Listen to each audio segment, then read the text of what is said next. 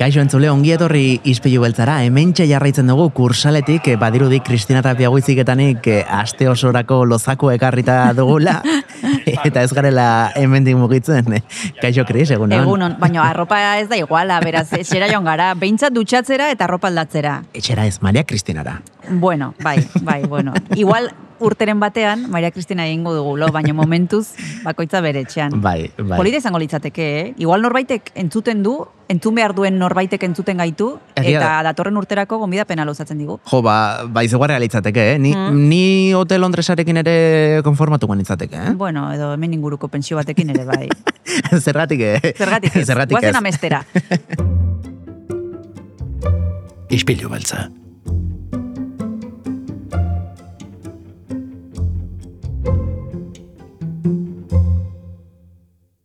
Gaur izugarrizko programa daukagu Bai. prestatuta, e, fokua jarriko dugu emakumeengan, Mhm.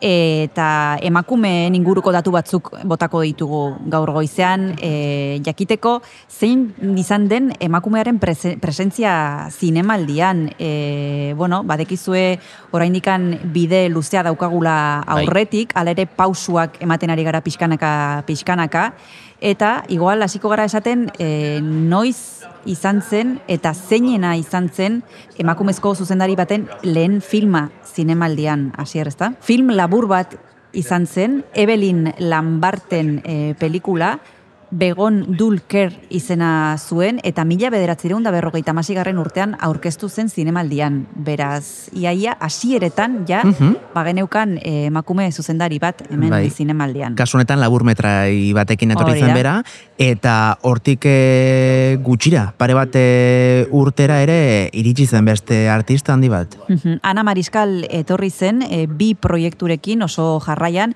mila bederatzireuna eta berrogeita meretzigarren urtean eta gero bi urte berandugo, con la vida hicieron fuego eta hola muchacho. Azken hau, sail ofizialean leiaz kanpo hori bai, lehena izan zen, beraz, Ana Mariskal, esan genezake, e, izan zela lehen zuzendaria sail ofizialean, zinemaldian, mila bederatzireun da irurogeita bat garren urtean. Eta Mariskalek bai, eh, filmak, film luzeak ekarri zituela Donostiako alfombra gorrira, baina leiaz kanpo, leiaren barruan emakumea beranduago iritsi zelako, zuzendari gisa. Bai, film labur batekin, hain zuzen ere, Halina Bielinska e, zuzendaria etorri zen e, Albo Ribka pelikularekin, mila bederatzireun da berrogeita meretzigarren urtean, hori bai film labur bat izan zen, eta e, film luzei dagokionez, Aber, ongi esaten dudan izena, Julia Soltzeba izan zen e, Enchanted Desna pelikularekin mm, bila beratzireun eta irurogeita bosgarren urtean, hauek biak eh, lehiatu ziren, hemen donostian. Bi hauek eh, lehiatu lehiatu ziren, baina ez zuten eh, saririk eh, eraman etxera, baina zorionez behintzat emakume zuzendari batek badu bere etxean, bere salako estanterian, be, gure urrezko maskorra. Bai, eta ez, ez da izan, e, duela gutxi izan da, hasier, e, 2008garren urtean, irabazi zuen Jesim Usta Ogluk e, Pandora's Box pelikularekin lehenbiziko aldiz urrezko maskorra. Beraz, nik uste dut oraindikan etxeko lan batzuk ere baditugula, eh? Badugu bide luze Denok, eh? horretik. Ez guk bakarrikan.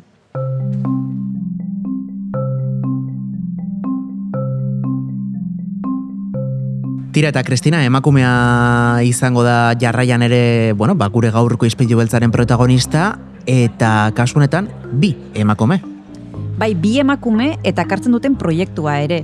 Ze Berta Gaztelumendik eta Rosa Zufiak hemen eh, zinemaldian aurkeztuko dute Arnasa betean izena duen pelikula, eta bertan e, ba, erretratu oso polit bat eta oso e, sakona egiten dute Euskal Emakume zinemagilere inguruko e, egoerari buruz, ahotsa ematen zaie, bertan agertzen dire gaur egun e, zinemaren munduan dauden emakume esango nuke ia denak, e, eta esan bezala erretratu ederra da, eta, bueno, kontatuko digute, bueno, produkzioa izugarria da, kontatuko digute zenbat denbora egon diren hau egiten, ze pentsatzen dut ez dela hilabete batzutako lana, eta, bueno, Berta Gaztelumendi eta Rosa Zufia hurbilduko direnez ispilu beltzaraino, hemen kursalean izango ditugu segituan, segituan ondoan, nor beraiek baino esplikatzeko zertan datzan arnasa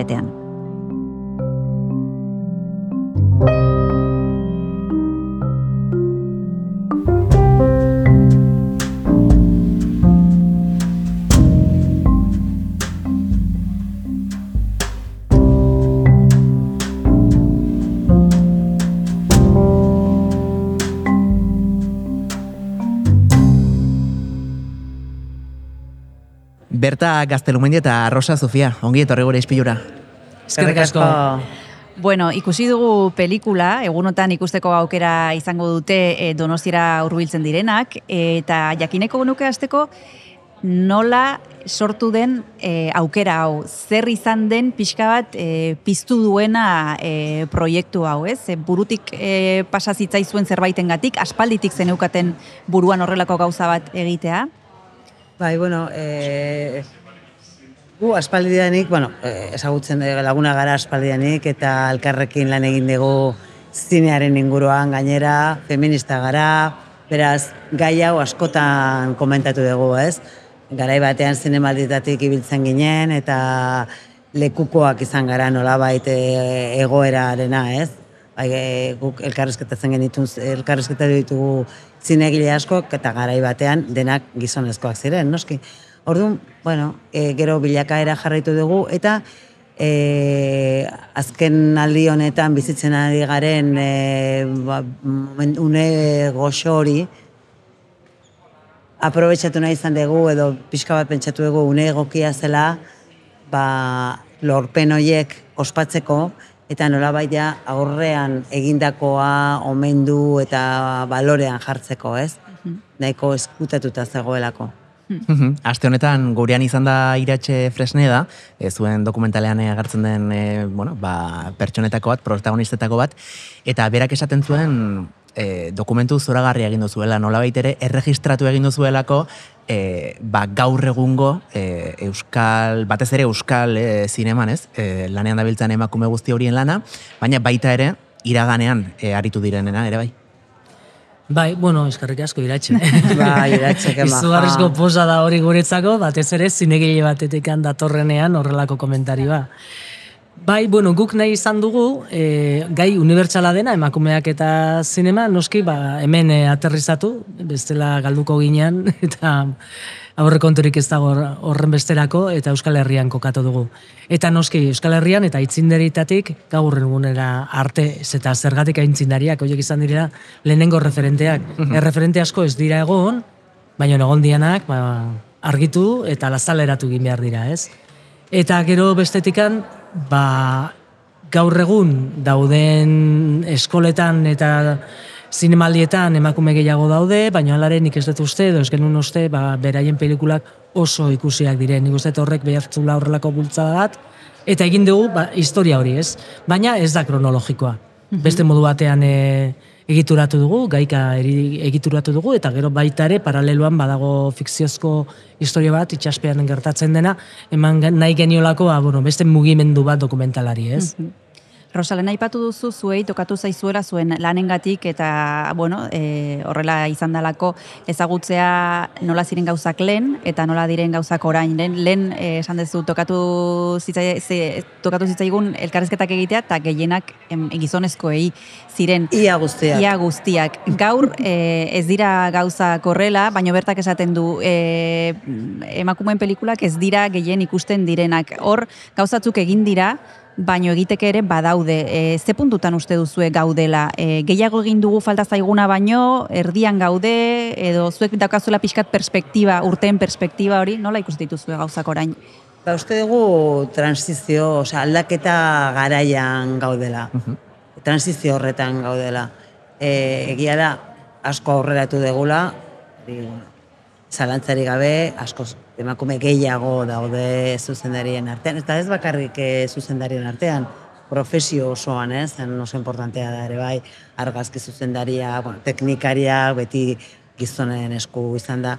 Orduan, bai, e, aldaketa handia izan da, azken urteotan bizi dugu eklosio bat, ilusio moduko bat, olatu bat bezala, e, jaialdi asko irabazi dituzte emakumeak, eta bar, eta bar, eta bar, baina mm, uste dugun bide honetikoa zela, baina bai egiteke gelditzen da, osea, badago datuek diote oraindik gaudela ba hortxe, ba e, finantzazio askoz handiagoa dute gizonek, e, zenbakitan ere bai eguneko hogeita mazaz bia dia emakumeak profesioan eta are gutxiago e, zuzendaritzan, orduan bidea dago, egiteko, baina mm, zinegileak oso konbentzituta daude e, ba, lortuko dutela, eta lortuko dutela mota guztietako eta maina guztietako proiektua egitea.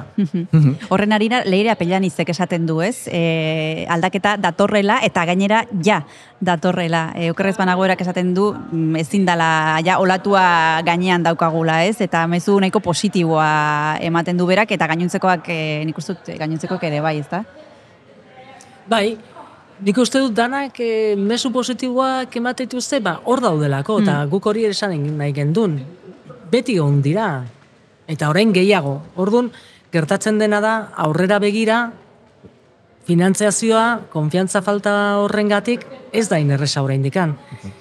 Baina nik bai uste dut inflexio puntu batean gaudela, gizarteak mm, nik uste dut gehiago hurbilduko da saletara, naiz eta emakume bat izan emak, e, kamaratzean, nik uste dut e, estereotipo hori pixkanaka erortzen ari dela, eta nik uste momentu gozo batean ari garela, ez? Ba, bueno, etorkizunari begira, ba, esperantzatxua delako. Mhm. Aste honetan, bueno, guk adibidez, errealitate hori aldatzen ari dela ikusi izan dugu, e, gu bereziki zinemirara begira gabiltzalako, eta lau zuzendari emakume e, izan ditugu eta izango ditugu gurean aste honetan, eta hiru gizonezko.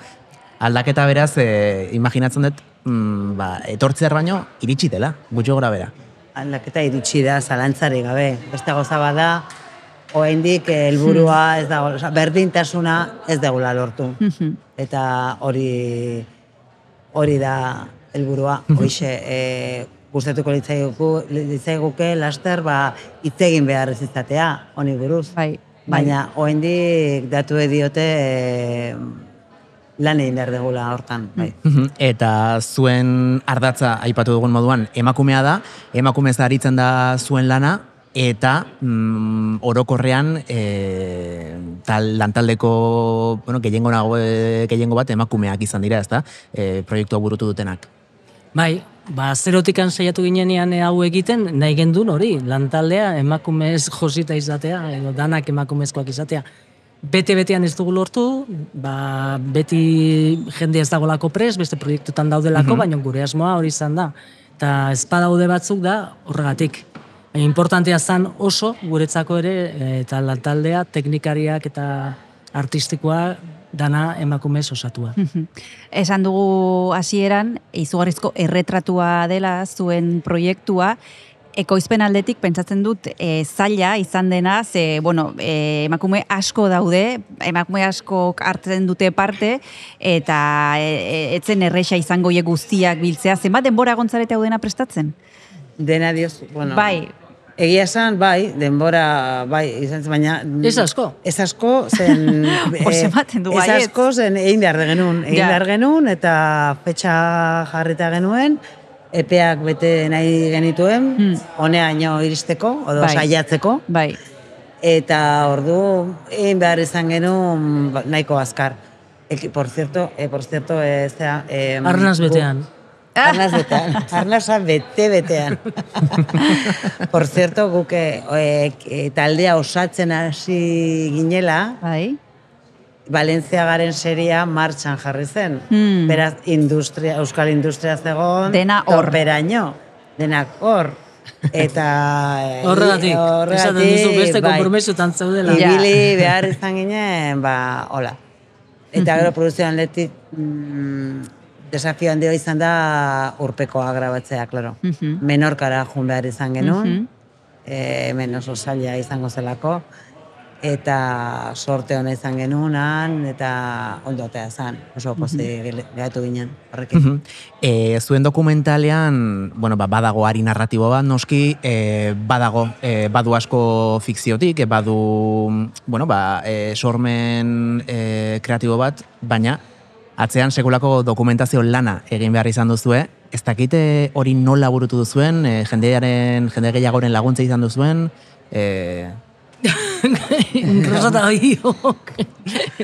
Buruz buru. Mano buruz Buruz buru egin dugu Rosa eta biok eta eskerrak eh, Euskal Herriko Euskadiko filmategia, ze han sartu ditugu orduak eta orduak, pelikulak visionatzen, ikusten, ze behin da berriz guzi bartzean lehenengo, ba bueno, ikusi genuen pila bat, ba, zer egingo genuen ideia orokorra izateko. Gero, e, pelikula zatiak aukeratzeko.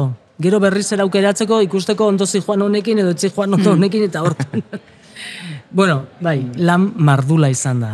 Hmm. Eta orain, barkatu rosa, Ez, esan. eh, gero igual, eh, aipatu daiteke Pilar Rodríguez ikerlaria Bai, ere horregon bai. zela. Batez ere pelikularen bere funtzioa da hil diren edo ja zinetik kanpo dauden zinegile horiek tre- aurkeztea, ez? Mhm. Eta uste dugu oso oso txukun egiten duela. Iratxe Fresnedak ere Bai. egin du paper hori. Bi paperak, alde batetik zinegile bezala hitz egiten du pelikulan, baina baita e, zera, ikerlari eta irakasle bezala ere.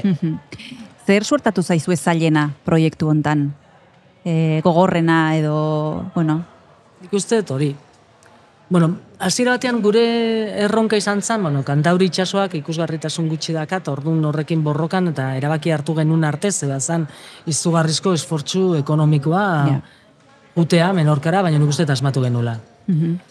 Hori erronka bat izan zen. Eta beste erronka izan zen, izan da, e, orain izketan ari ganena, hainbeste pelikula gestionatu behar izatea. ja. Eta aukeratu, eta sailkatu, eta bar. Eskubideak gortu, eta...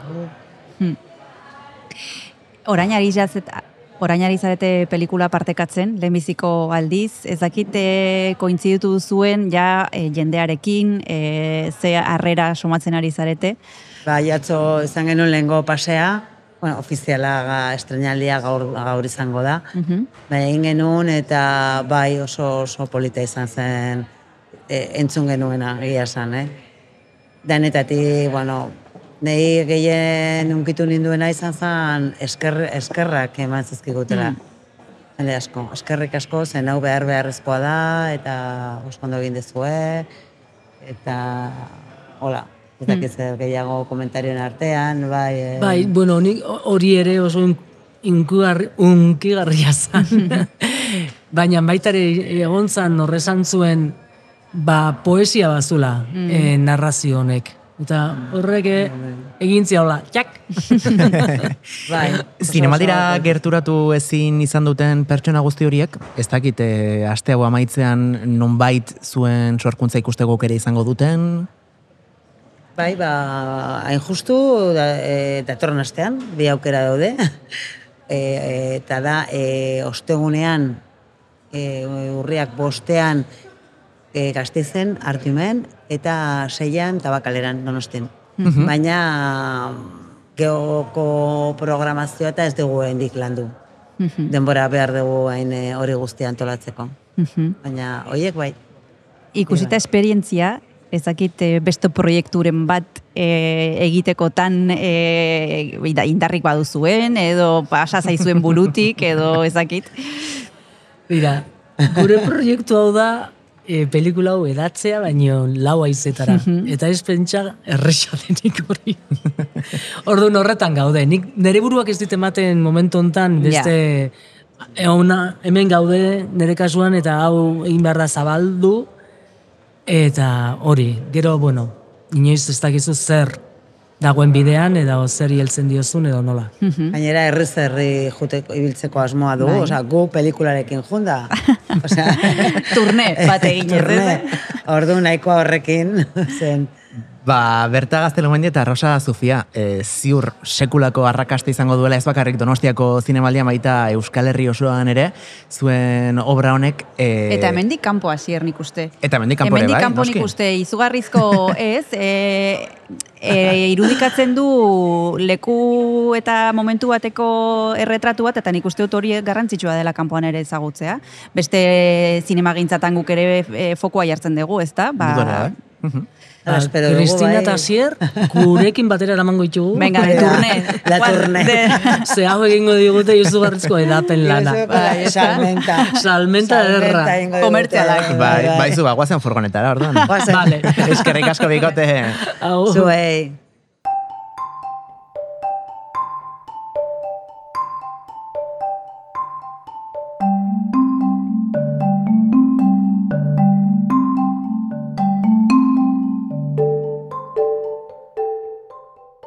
Tira, eta amaitzearreko den honetan, Kristina, agendari ere erreparatuko diogu, atzo Hmm. Euskal Zinemaren gala izan genuen gau zoragarria, mm, Euskal kulturarentzat, e, gure e, artistentzat, eta baita ikusle guztientzat ere noski, eta, bueno, hala ere honek aurrera jarraitzen du, eh? Gaur aste azkena da, eta larun bat arte e, zinemak ez duetenik hemen donostian. Ez, eta igual aipatuko ditugu pare bat pelikula zier, e, bihar ikusteko aukera izango ditugu sail ofizialean Red Island izena duen e, pelikula, Frantzia eta Belgikak e, elkarrekin ekoiztutako proiektua da, Robin Campillo da zuzendaria, eta gero sail ofizialean ere Taiwango e, proiektu bat ikusiko dugu, A Journey in Spring, eta zuzendariak, aberre, adi, Zu Wipeng eta Pin Wen Wang izango dira.